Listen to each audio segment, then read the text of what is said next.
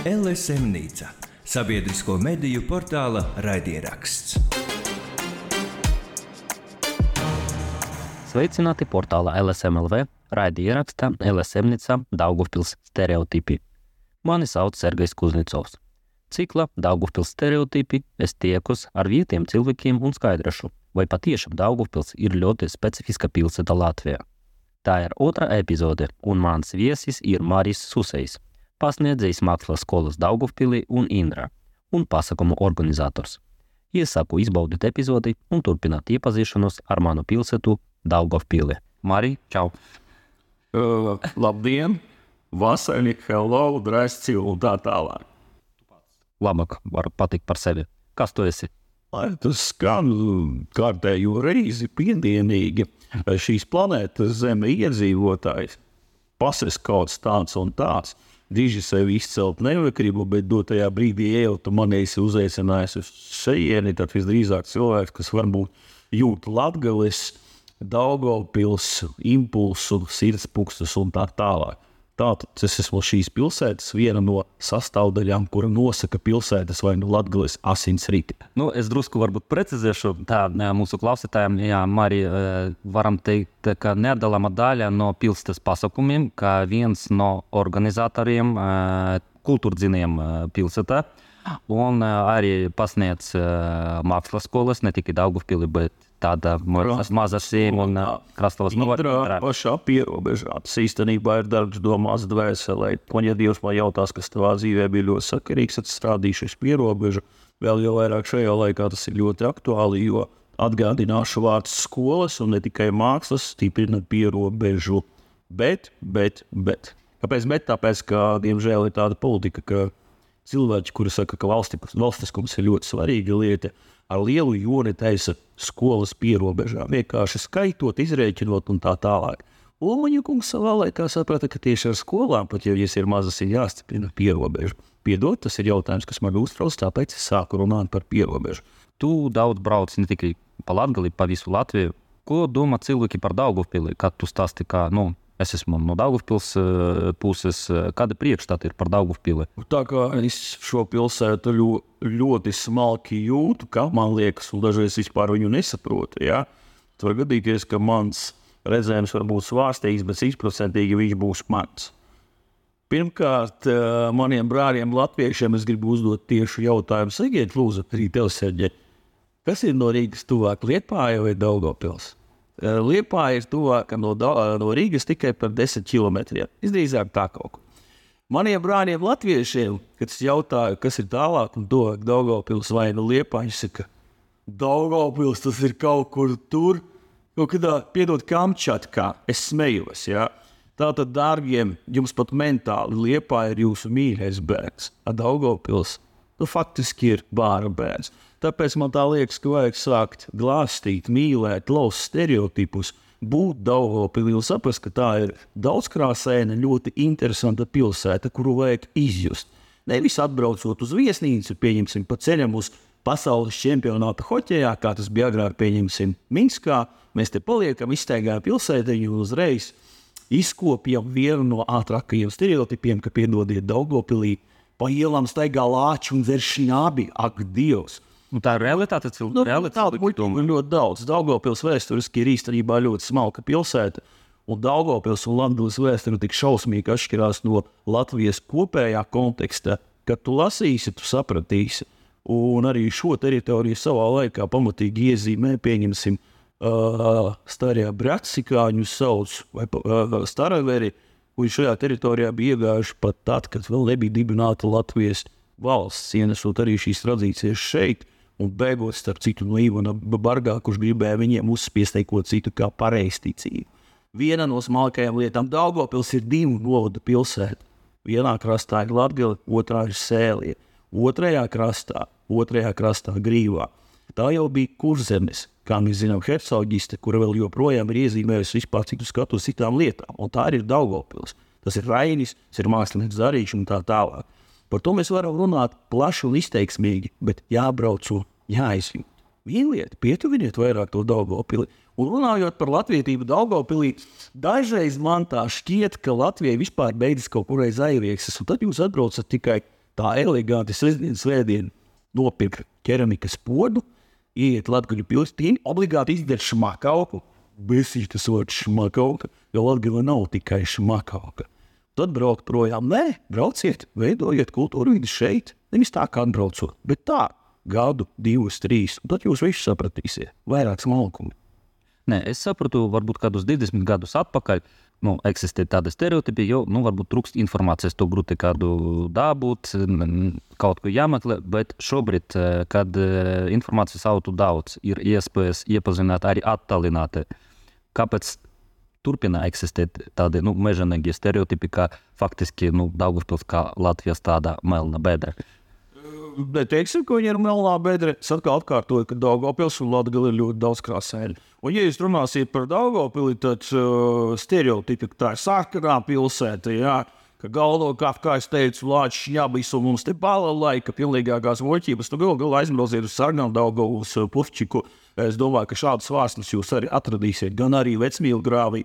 Un nerunājot tikai par Daugopili, šis te stailings dažreiz arī mīt ne tikai Daugopilī, bet arī Reizeknē, Luzā, Krāslavā un tā tālāk, tāpēc, ka Latvija vispār ir, ir, ir, ir vienkārši ar ļoti fundamentālu, saudabīgu, traku, citreiz nežēlīgu vēsturi. Galu galā arī tie kari, kas ir gājuši cauri. Man tā liekas, Viestušs Kaļš savā laikā bija teicis, ka tas bija asins koridors. Tāds arī bija. Un katra no šīm kultūrām ir atstājusi savu iespēju. Daugopils vairāk raksturo mūsu maģiskais baznīcas kalns. Tu apstājies pa vidu un tu redzi pretī. Ir divas baznīcas - katoļu, luterāņu, pareizticīgo un stareļu. Tas raksturojas vairāk Daugopils. Nevis cietoksnis, nevis piedodiet arī Rotko centrs, bet tieši šis te baznīcu kalns. Tas ir lielākais Daugopils fundamentālais simbols. Un, ja gribat to izjust, nu, tad ejiet, lasiet un domājiet. Tavuprāt, kāpēc eh, patiešām eh, baznīcu kalns mēs varam ielikt tieši pirmā vietā, lai saprastu Daugavpili, bet pagaidām tieši runa iet vairāk nu, par citiem objektiem. Par kalnu, nu, nu stāv un stāv, jā, it kā tāds saudabīgs skats. Stereotipos dzīvot vienmēr ir viegli. Man arī, jo es arī nodarbojos ar kaut kādām autoru programmu, pieņemsim, veidošanu un tā tālāk, braucot pa Latviju. Tu atbrauc sevi stereotipus, tu hop nolasi, paņem vienkārši translēt to, ko it kā ir ierunājuši citi izjutuši, un viss lieta darīta. Bet šajā laikā, kad viss nesās pa galvu, pa kaklu, nu būsim bijuši smalkāki vienkārši. Jo smalkums arī rada mīlestību, stilu un tā tālāk. Nav viss tik nozīmīgi. Pieņemsim, es varu cifrasētīgi pateikt, mēs paši latgalieši esam sev uzkrājuši stereotipu par šmakauku. Mēs pat neesam tagad latgali, mēs esam šmatgālie, kā es viņu saucu. Ja? Pie tā visiem mēs runājam, pieņemsim par šmakauku, tad mēs zinām, ka uh, Latgales reģionos, ziemeļos un austrumos tas stāsts ir pilnīgi cits. Cimteni, šmakauka, samagons un tā tālāk. Un tas notiek ar daudzām citām lietām. Tieši tas noticis arī ar Daugopili. Vienmēr. Galu galā, ja jūs sakat, ka tā vide varbūt nav tik ļoti latviska, tad mani laika biedri no Kuldīgas un Vēncpils no Liepājas lūdzu brauciet, veidojiet šo kultūru ļoti spilgtu un pārliecinošu. Un nerorādiet vietējiem, varbūt cilvēkiem, kuri to dara aktīvi vai no aktīvāk, pat dažreiz, ka mums ir platais vai šaurais, ej pilnīgi garām. Iedodiet, mēs to darām, un tāpēc droši sadodamies rokās un ejam šajā virzienā. Tas vismaz būs godīgi. Gluži piemēri ir ļoti spilgti. Paldies grupai Prāta Vētra, kura vēl bez šīm kara darbībām, kuras notiek Ukrajinā, kad viss attepās, ka mums ir perifērija, ir, ir pierobeža. Un tagad mēs aktīvi sākām strādāt, domāt, šīs pārveides mēs jau varējām taisīt 20 gadus atpakaļ. Jautājums, kāpēc viņu nebija? Nu, tāpēc, ka tur tā, tur ir perifērija, mēs dzīvojam un dzīvojam. Kāpēc par Daugopili var runāt žurnālisti un cilvēki, kur Daugopili ir bijuši divas reizes? Kāpēc studijās es neredzu pieņemsim cilvēkus, kas dzīvo Dāngopilī? Tie ir mākslinieki, tie ir politiķi. Labi, ir politiķis no Latvijas. Bet politiķis, piedod, man no balviem nevar tik labi izstāstīt, izjust to, kas notiek Krāslavā, Reizekne un Daugopilī. Vairāk aiciniet. Tas ir ļoti labi, ka ir šis pro, projekts, jo cilvēki varbūt patiešām pat izjūt lietas, nu, maz, maz drusku savādāk, teiksim tā. Ja tu izdevi uz auditoriju, kuru Dzird, pieņemsim, onkulis tagad, nu, es ceru, tur kuldīgā, Cārnīkavā sveiciens viņam, un man ļoti patīk, ka mēs viens otru sadzirdējām, jo ar Daugopilu un Latgulu dažreiz tā, sestdienas vēdienu mēs atbraucām, bet ticiet mums, pie mums ir ko darīt, ļoti daudz ko. Arī stimulēt ar savu radošo varēšanu šo, te, šo, te, šo te reģionu. Es atgriezīšos pie prāta. Es gribu viņai pateikt paldies, ka vēl bez visas šitā anomālā trača, kas notiek Ukrajinā. Viņi teica, mēs brauksim uz Latviju ar koncertiem, mēs brauksim uz Daugopili nevis pelnīt, vienkārši iezīmēt sevi šeit, iezīmēt vairāk latviešu kultūru, vairāk eiropeisko skanējumu, viņi to darīja. Tas ir ļoti liels vēziens, un tā arī īstenībā jādara. Bieži runa krievu valodīgi un latvieši dzīvo divas paralēlas pasaules, atsevišķas kultūra telpas. Tavuprāt, tā ir, nu, ir, ir tāda nu, nezinu, problēma priekšstats par dzīvi. Skaidrs, ka ir, un tas ir ne tikai Dāngopilī, atkal atkārtoju. Visā Latvijas reģionā, bet tas tā ir. Ja uz to lietu skatās pragmatiski, tad tas vilciens ir aizgājis projām, mm, projām ļoti ātrā ātrumā, vēl kādi 20 atpakaļ. Un vienā dienā, vai ar projektiem balstoties divos, trijos gados, mēs viņu tik ātri nepamā, ne, nepanāksim, jo šīs kultūra telpas tika sadalītas momentāli arī pateicoties politiķiem, bet bija viena lieta, ka mēs nepiesēdzām austrumu robežu no informatīvās puses. Es strādāju pie robežām, man vēl pieci gadi atpakaļ. Es varēju paņemt vienkārši televizoru, paņemt dakšu. Es to vienmēr saku. Viņu mums drusku ielosīt un ielikt tajā atverē, kur jābūt kabelim. Un es par velti varēju redzēt piecus Baltkrievijas kanālus. Piecus. Tajā pat brīdī, pašā pierobežā cilvēkiem nopērkot dekoderi, jāmaksā 10, bija jāmaksā 10 eiro mēnesī. Skaidrs, ka viņi izvēlējās šo formātu, kurš bija ļoti pieejams pierobežā braukāja parlamentārās komisijas gadu desmit atpakaļ. Arī deputāti, kuriem es kā skolotājs teicu, čāri kaut kas ir jādara, jo mums te cilvēki guļ, piedodiet čurā, bet prāts un dvēseles viņiem pieder Baltkrievijai un Krievijai.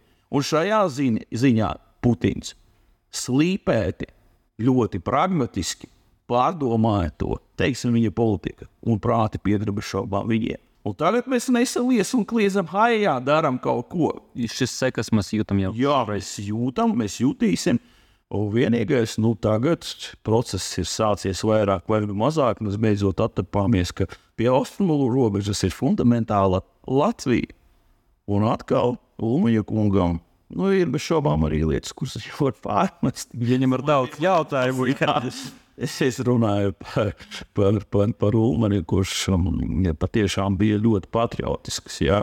Uh, viņš dibināja skolas, viņš, viņš deva cilvēkiem uh, kredītus, lai viņi brauc no Vīzemes, no Kurzemes un pierobežā pērk zemi ar ļoti labiem nosacījumiem. Tādā veidā viņš ļoti gudri stiprināja latvisko vidi, ko vēl joprojām var just ar arhitektūru, ar skolām un tā tālāk.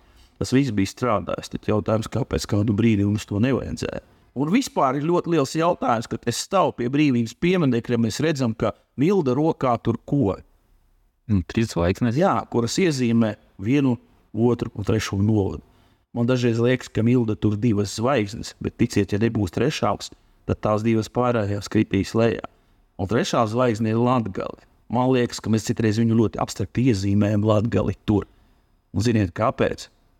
Tāpēc, ka sociālās programmas ekonomiskās, arī mākslinieckās. Viņas ir kudi savādākas nekā centrālā Latvijā. Nu, kaut kā pragmatisks jautājums, kāpēc manai Almai, vecmāmai Ļoņai ir jābrauc uz Rīgu mēnesī četras reizes, lai uzlabotu savu veselību. Viņa nodokļus ir maksājusi, viņa ir strādājusi. Tieši tāpat kā pēc manām kaimiņiem ir jābrauc strādāt uz Rīgu tikai tāpēc, ka tur vairāk maksā.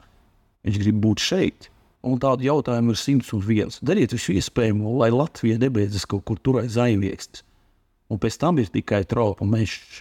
Un tad viss nostāsies savā vietā.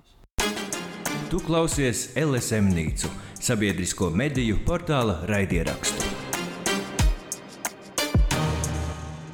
Runājot par uh, Latvijas reģioniem, uh, vienmēr atsevišķi nu, ir tādi priekšstati tieši par Latviju. Nekad runa, nek, nu, es pagaidām publiskā telpā īpaši nedzirdu tieši par kādam specifiskam atbalsta programmam, vidzemei, kurzemei vai zemgalei. Tikai Latvijai varbūt ļoti patīkami būt tādiem īpašiem, bet dažreiz nu, man liekas, ka kaitē tālāk attīstībai. Tas reģions man liekas, jau kopš paša sākuma arī bija apzinājies, ka nu, ne pats veiksmi, veiksmīgākais ekonomiskajā fakta, e, ziņā. Un tas nozīmē tikai vienu, ka no paša sākuma visdrīzāk tie ieguldījumi vai no atbalsta viņu vajadzēja būt vienmērīgākam. Un tagad mēs jau cīnāmies ar kaut kādām sekām un tā tālāk. Uh, nu tā Latvija, vienmēr ir bijusi tā kā tā sirds ir vaļā. Bet, kad ir jāsāk darīt reāli daudz, jo mēs zinām, vienalga, ka valsts centralizējas galvenokārt tur, centrālajā Latvijā. Tad es skatoties arī uz lieliem projektiem, nevaru saprast, kāpēc pieņemsim viņi galvenokārt tiek novirzīti zemgales virzienā, vidzemes, kurzemes, vai gluži otrādi atkal latgales politiķi un deputāti nav tik spici, nav ar lieliem riekstiem, ka viņi neizbīda, neizbīda šos projektus latgales virzienā. Bet dažreiz ir jāsaka, jā, jāmet akmens mūsu latgaļu grāvī, jo tad, kad mēs esam latgalē, mēs baigi sadodamies rokās. Bet, ja kāds ornīcāns, ansāns, uškāns un āns, es domāju, latgalieši tiek Rīgā lielos amatos, tad brāļi latgalieši dažreiz vairs nav brāļi. Tas ir acīm redzami, un to mums ir jāatzīst pašiem. Bet runājot par uh, Daugopiļu un to vidi, kuru skatās Krievijas virzienā, skaidrs, ka tas tā ir. Un lielākie stereotipi ir par to, ko paši slāvi mēģina vai uh, krieviski runājušie veidot, ka Daugopilī tiek apspiesti krievvalodīgie. Nu, upasīcība, gospodi, šeit viņus neviens neapspiež.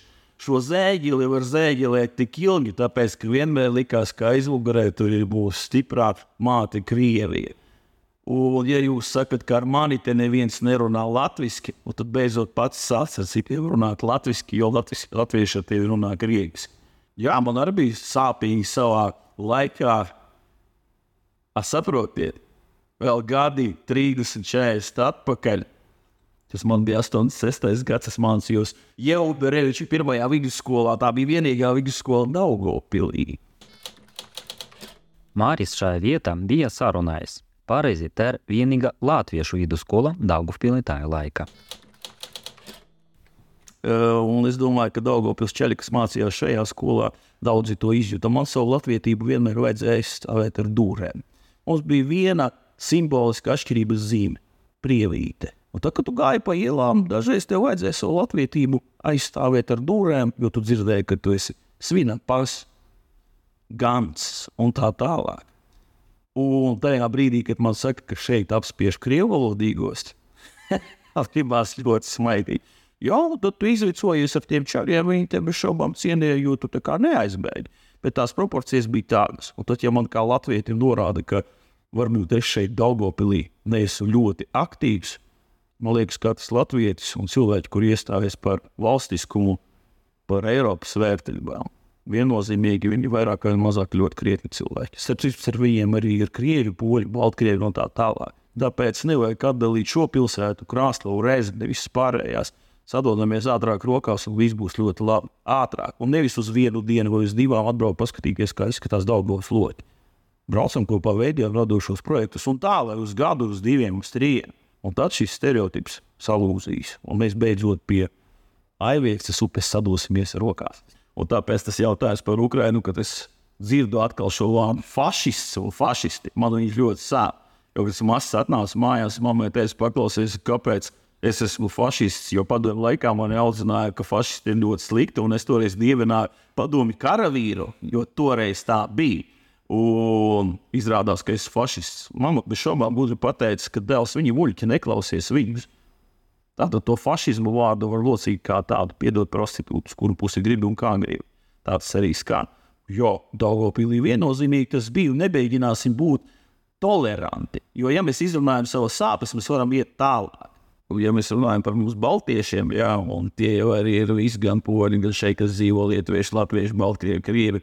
Un tā tālāk mēs esam visi, visi baltieši, jo mēs kļuvuši toleranti pret uh, skandāliem, pret uh, skaļiem tekstiem, varbūt pret atklātu runāšanu, ja mums visu laiku vajag vairāk vai mazāk tolerēt. Bet tajā brīdī, kad mēs izrunājamies, to es pats ļoti labi zinu pēc sevis Pirmkārt, tev mm, ir vieglāk. Otrkārt, ja ir šūmēšanās, pēc kāda brīža vienalga cilvēki sāk risināt šos jautājumus, par kuriem tu kā izrunāji skaļi. Un tāpēc to ir jādara. Nu, bez šaubām es domāju, ka arī savu, savu veidu padomju mantojums, kad skaļi nevarēja runāt, jo tu uzreiz vari aizbraukt uz krāslējās. Nu, bez šaubām tā pilsēta ir ļoti segmentēta, kas man arī ļoti patīk. Kā es teicu, ka Ja es gribu izbaudīt ceturtdienu ukrāņu kultūru, es eju pie ukrāņiem, gribu izbaudīt, pieņemsim, piekdienu lešu kultūru, pie lešiem, pie poļiem, pie krieviem, pie baltkrieviem. Pie... Vārdu sakot, tā, tā ir lielākā maģija, kas dominē Latvijā, un tīpaši Daugavā. Un gal galā neizmirstiet, ka, ja mēs runājam par Daugopili, tad ļoti stalti virs galvas ceļ Latvijas karogu sportisti, kas ir nākuši no Daugopils. Un viņiem arī dominē Krievu uzvārdi, bet viņi mīl un godā ceļ Latviju. Un tajā brīdī jums nekādu lielu pretenziju nav. Nu, es izrunāju tās lietas, kuras ir acīm redzamas. Diemžēl par to var runāt stundas, divas, trīs. Mums ir maziņš ētera laiks, un to ir jāsaprot. Jā, nu, Dārgopils krievu valodīgajiem es varētu ieteikt tikai vienu. Agri vai vēl tik skaidrībā, jo mums ir ļoti daudz cilvēku, starp arī latviešu un latviešu, kuriem patīk strādāt īrijā, Anglijā, atpūsties Spānijā, Itālijā. Latvijā šeit piedodiet tā vienkārši pačurāt, un sirds viņiem pieder Krievijai, citiem varbūt Amerikai. Es to saucu dažreiz par morālo prostitūciju. Ir jātiek skaidrībā, kas tu esi, kurā virzienā tu ej un ar ko tu ej. Jo mēs dzīvojam šajā iekārtā, kur visi meklē maksimālo izdevību. No, cilvēki atrod savu no, izdevīgu dzīvesveidu, par komfortu, par tiešām labumiem. Es tev piekrītu. Bet tādos brīžos, kad mēs runājam par valstiskumu, valstiskumu tur nevar būt vai nu zils, melns, sarkans, rozā tonis. Tev tomēr vajadzēja sakoncentrēties un saprast, ar ko tu, kur tu un kurā virzienā. Un šeit es varu runāt gan par Dārgopili, gan par visām arī citām Latvijas pilsētām. Ir ļoti daudz cilvēku, kuri koncentrējas tikai uz to, lai man būtu labi. Lielās idejas faktiski nav kā tādas. Un tāpēc mēs tā dažreiz sērfojam un attopamies, ka mums ir valsts, ka viņi ir ļoti mīļi, viņi ir ļoti sakrāli. Un šajos brīžos, kad ir ļoti liels drausmas un gribās viņu paņemt rokās, iebāzt kavatā un sasildīt. Jo Latvijā ir ļoti daudz mīļu.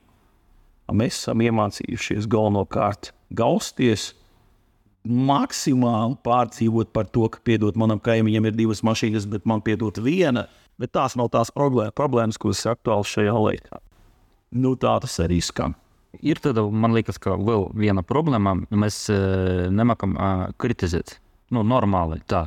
No vienas puses kritizēt un e, ieklausīt citā cilvēku viedoklī un kritiku jūtams Daugavpīlī, jo ir divas tikai galības, vai par vai pret, ir savi un sveši. Nav nekādas bilances. Tieši īpaši politi politiskus jautājumus. Es tev pilnīgi piekrītu. Piedod, es vienkārši atveru ap, apvārstu un atkal sāku runāt par Latviju. Jo es nekoncentrējos tikai uz Daugavpili, es nezinu par visu spektru Latviju, Latviju un tā tālāk. Uh, šī politiskā niecība, es to saucu tā, jo, ja tu pat aizbrauksi uz pagastu, piedot kaut kādos attālos rajonos, pūpolos, vai piedot man jau kaut kādā attālā mežā, pat pagastā ir izdarīts tā, ka, ja atnāk jauns speciālists, kurš ir ļoti vajadzīgs, kaut gan pagastā strādā tētis, tēta brālis, brāļa dēls, onkulis, rente, tente, tente. Varu sakot, tas ir ģimenes uzņēmums. Ja mēs ņemam un ejam tālāk, tad pilsētā ir faktiski tas pats. Tev jāpārstāv viena no partija, eh, partijām, un tad tu esi vienā vai no otrā amatā. Pat neskatoties uz to, ka tev nav izglītības, bet tu esi vienkārši savs normāls čalis, toļiks. Ja? Un tas ļoti sāp. Uh, politiskā kultūra. Un gan uh, mazās, gan lielās pilsētās tas ir ļoti segmentēti. Var gadīties, ja tu būsi skaļš un iznesīgs, tāds rīt visdrīzāk tu pie darba algas nesaņemsi piemaksu. Jā. Vai bargais šefs atnāks un pateiks, ka lielais šefs ir pateicis, ka tu gan esi publiskajā telpā sarunājis pilnīgi nepareizi, vai nedod Dievs, tev iestāde nesaņems naudu. Un tas notiek galvenokārt visur, un arī Daugopilī. Un tieši Daugopilī atkal, ka man liekas, mans subjektīvs viedoklis, ka šī problēma ir uh, ar pēdējiem gadiem tikai padziļinājusies, ka jābūt ne tā speciālistam, bet tiešām savam cilvēkam Tu esi savs, labs cilvēks. Es tev pastāstīšu, ka viens mans draugs ļoti labs cilvēks. Viņš patiešām viņš bija ļoti patriotisks. Diemžēl jāsaka, bija, jo tagad viņš ir Vācijā. Viņš bija ieradies vēl kaut kā 3-4 gadi atpakaļ šeit jā, viņu paņēma vienā no uzņēmumiem. Viņš bija ļoti labs speciālists. Viņš strādāja. Viņš vienkārši bija par un dega ar to lietu, ko viņš darīja. Mainījās politiskā situācija šajā pilsētā. Un viss, un pateicis, paklausies, Zini, ko? Tev jāstāj šis amats. Kāpēc? Nu, tāpēc, ka tu strādās kaut kādā čalīgas ar vidusskolas izglītību, viņš ir no pareizās partijas, nezinu, no Tolikas, Saša, Maša vai Jānis. Un čau! Uz to visu viņš noskatījās. Viņš šeit bija, divas nedēļas, viņam radās morālais riebums pret to visu. Viņš paņēma ģimeni un aizbrauca projām uz Vāciju. Speciālists tagad ir tur. Un tas ir visur, vairāk vai nu mazāk. Jā, gribiet runāt par Daugopilu. Skaidrs, ka tas tā ir. Kādu vēl gribat no Latvijas vai no Latvijas pilsētām? Tas tā ir. Tā ir politiskā kultūra, un viņa, diemžēl, ir ielaista. Ja tu gribi normāls pasūtījumus un gribi būt pareizs čalītis, stājies pareizajā partijā un aiziet. Ir tāda sajūta, ka, nu, teiksim, par Daugavpiliešiem. Viņi grib kaut kādu tagad stingru roku no vienas puses, bet arī skaļi kliedz par demokrātiju. Bet, manuprāt, tas divas nu, lietas eh, diez vai varētu būt tuvumā. Vispār ļoti žēl daudz Daugavpiliešus, jo viņi tagad Viņi atskatās, viņi domā, kas te notiek, kas te notiks ar to, notiks ar to lielo šūmēšanos un ar kara darbībām. Tas ir faktiski tā kā tās priežu skaists mežs, kurā tu ieej, bet te pārņem mistiskas bailes. Tu dzirdi to Twin Peaks mūziku, jo tu jūti, ka kaut kas notiks, bet tu nezini, ka nezini. Tāpēc daudziem vajag vienkārši izspieties špagatā un balansēt starp vienu un starp otru. Oficiālajai varai jāsaka, ka nē, un varbūt jāskatās vēl joprojām austrumu robežas virzienā. Vieni otri vēl gaida, kad 18. novembrī iela brauks betēri un jūs varēs sagaidīt ar puķiem. Otri gluži otrādi domā, kā šeit restartēties un skatīties Eiropas vērtību virzienā. Un tas viss ir klusumā, bet tu jūti, kā zem tavām kājām burbuļo lava, nežēlīga lava. Un tāpēc es cilvēkus mīlu, jo šajā situācijā viņiem ir ļoti sūdīgi dzīvot. tu nezini, kur, ar ko un kā. Tās ir politiskās svārstības. Patiešām pēc kara Ukrainā īpaši Daugavpilī sajūta ir tā, nu, pastiprinājis, saicinājis. Jā, jā, to ļoti labi just. Un, un, un, un atkal tas klusums ir tik biezs, ir teātrāli teātrālā valodā mm, tas termins klusais biezums. Un tagad ir tas klusais biezums, ka tu jūti, ka tajā klusajā gaisā atkal bija kaut kāds biezs viesis, kurš eksplodēs vai nu vienā vai nu otrā virzienā. Gaiss skan. Ja? šajā ziņā no dramaturgijas viedokļa Daugopils, Rēzekne, arī, arī tās Latgales pilsētas ir ļoti parocīgs materiāls, lai rakstītu, vērotu un, un skatīties. Tas ir viennozīmīgi. Ukraina. Tas ir tas faktors, kurš dotajā brīdī Daugopilī, ja runājam par šo pilsētu, ir iezīmējis rētas, par kurām mēs agrāk negribējām runāt. Visi zināja, bet neviens negribēja runāt. Arī mūsu politiķis sveiciens jums. Jūs arī to visu zinājāt, bet jums vienkārši bija. Kā viss kārtībā, viss normāli. Tur tur Rosela robeža, nu gan jau viss rola aizbrauks vienreiz 18. novembrī, uztais visiem parādi, un viss ir labi. un ar to arī pietiek.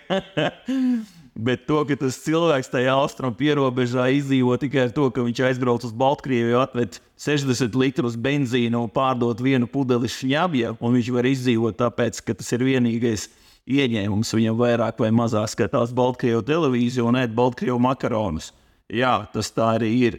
Bet jūs viņiem pat neuztaisat nevienu uh, mazu ražotni, kur var ražot, pieņemsim, zeķus, lai viņi paliktu tur un būt vairāk patriotiski. Viss ir ļoti vienkārši un pragmatiski. Atbrauc, paskaties, kā mēs tur dzīvojam, sadodies ar visu Latviju rokās, un tad tās lietas ies uz labo pusi.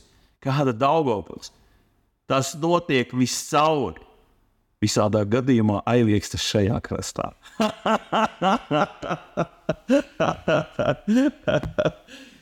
Mārija, tāda noslēguma. Taču bija integrācijas programmas, vai tie nenostrādāja?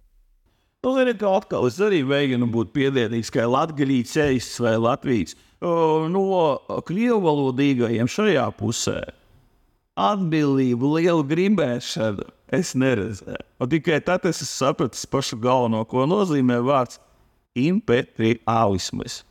Tās ambīcijas ir tik lielas, tur aizmugurē mūsu lielais brālis. Daudziem nesakām, ka Krievija to agri vai vēl piesaks mūsu, jau vajadzēs atlaidīs visiem pārējiem paus. Kas tā tāda Latvija? Ej! Tas nozīmē, ka šie cilvēki fiziski šeit, bet mentāli atrodas austrumos. Jā, un zini, ko pats sāpīgākais, ka šo cilvēku starpā ir ļoti daudz latgaļīšu, arī latviešu.